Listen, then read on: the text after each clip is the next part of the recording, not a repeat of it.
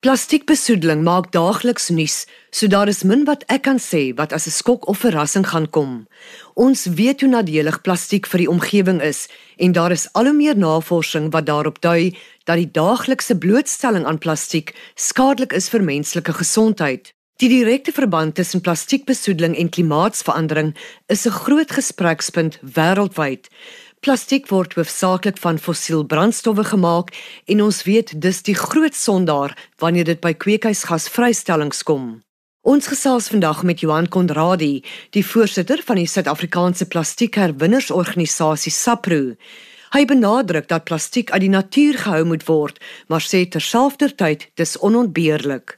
Die program word tegnies versorg deur Lindsey Johnson. Johan, wanneer daar oor plastiek gepraat word, gaan die meeste mense sê dis 'n ewel. Jy sê egter ons kan nie sonder plastiek leef nie. Plastiek is deesdae oral in ons lewens en dit is nie regtig iets wat ons van kan ontslaa raak tensy daar iets anders ontwerp of uitgevind word nie. Plastiek is het 'n baie lae gewig en as gevolg daarvan het hy 'n baie lae koolstofvoetspoor van begin tot einde in die proses. Selfs net die vervaardiging van virgin plastiek, die eerste plastiek, as jy dit vergelyk met die koolstofvoetspoor van metaal en glas, is dit heelwat heelwat beter as enige van die ander.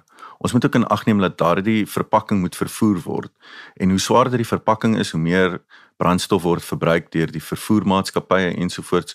So ons moet kyk na die hele prentjie.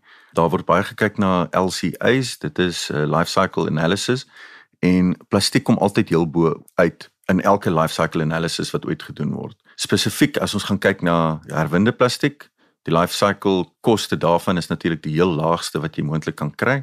So daaroor moet ons definitief dit ook in ag neem.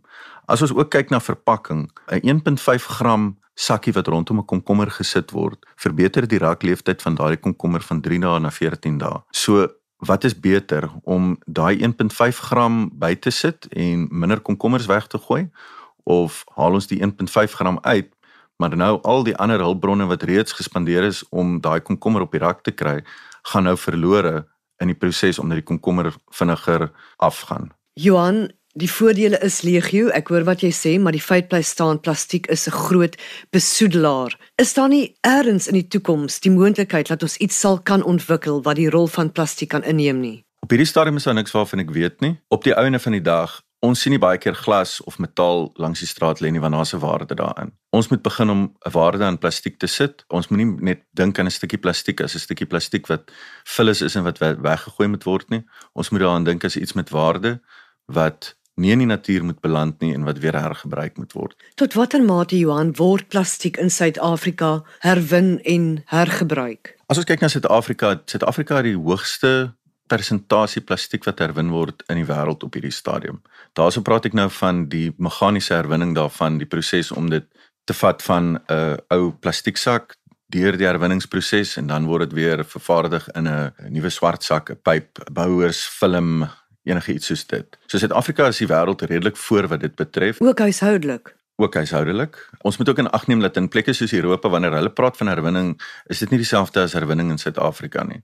Hulle herwinning sluit goederes in soos net om dit te gaan verbrand iewers in 'n verbrandingsaanleg of om dit te gebruik om hitte mee op te wek en dit is nie regtig die beste benutting van daai koolstof of daai voetspoor wat jy reeds aangegaan het nie. Ek was altyd my produkte, my plastiekprodukte voordat ek dit in die herwinningssak sit. Help dit vir julle of daar's moet ons weer eens kyk na die hele proses wat daarbey betrokke is. As jy dit vinnig gou afspoel saam met jou uh, ander skorrelgoed of in jou laaste bietjie vel skorrelgoedwater, dan help dit die hele proses en op die einde van die dag hoef ons nou nie 'n klomp ou jogurt in te koop of melk of so nie.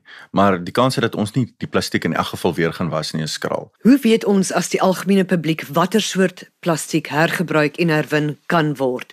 Dink jy alles word deesdae noukeurig genoeg gemerk? Nee, daar is definitief baie werk wat daaraan gedoen moet word. Op hierdie stadium werk ons saam met Sepro, saam met WWF en 'n klomp kleinhandelaars, asook die vervaardigingsindustrie om OPRL te ontwikkel. OPRL staan vir Unpack Recycling Label en dit is 'n proses waar ons kyk na 'n standaard manier om dit aan verbruikers oor te dra. Op hierdie stadium word meeste plastiekprodukte met 'n verskeidenheid van logos gemerk baie van dit het niks te doen met recycling of herwinning nie. Dit is eintlik maar net 'n identifikasiekode om te sê watter tipe plastiek dit is en dit skep baie verwarring onder gebruikers. Johan Saprus betrokke by 'n internasionale projek om die topmaatskappye sover te kry om hulle plastiek te herwin en hergebruik. Wat behels dit? Plastiek op sy eie is nie is nie vir ons 'n probleem nie of is nie 'n probleem vir die aarde nie.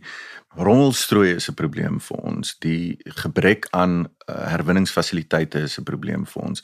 Die gebrek aan vraag vir herwinde plastiek is vir ons 'n probleem. Wat die Ellen MacArthur Foundation gaan doen het is om 'n klomp internasionale kleinhandelaars en handelsmerkorganisasies soos Unilever, Nestlé, Coca-Cola ensovoorts bymekaar te kry en te sê kom ons begin werk in 'n sirkulêre ekonomie vir plastiek. Kom ons kyk of ons nie plastiek kan ontkoppel van die gebruik van soveel grondbronne nie en eerder begin kyk na hoe kan ons daai plastiek oor en oor en oor gebruik. Johan, is dit waar dat slegs 10% van alle plastiekbottels herwin word? Ek is nie 100% van wat die wêreldwye syfer is nie, maar in Suid-Afrika is ons naby aan 55% van plastiekbottels wat wel herwin word. Dis redelik maklik vir stedelinge om te herwin, maar wat van die landbousektor? Beskik die bedryf oor die nodige geriewe veral weens die dikwels afgeleë ligging van plase? Ons vind dat in die landbou-industrie weens veral druk van organisasies soos HeroGap dat hulle eintlik nogals baie verantwoordelik is met hulle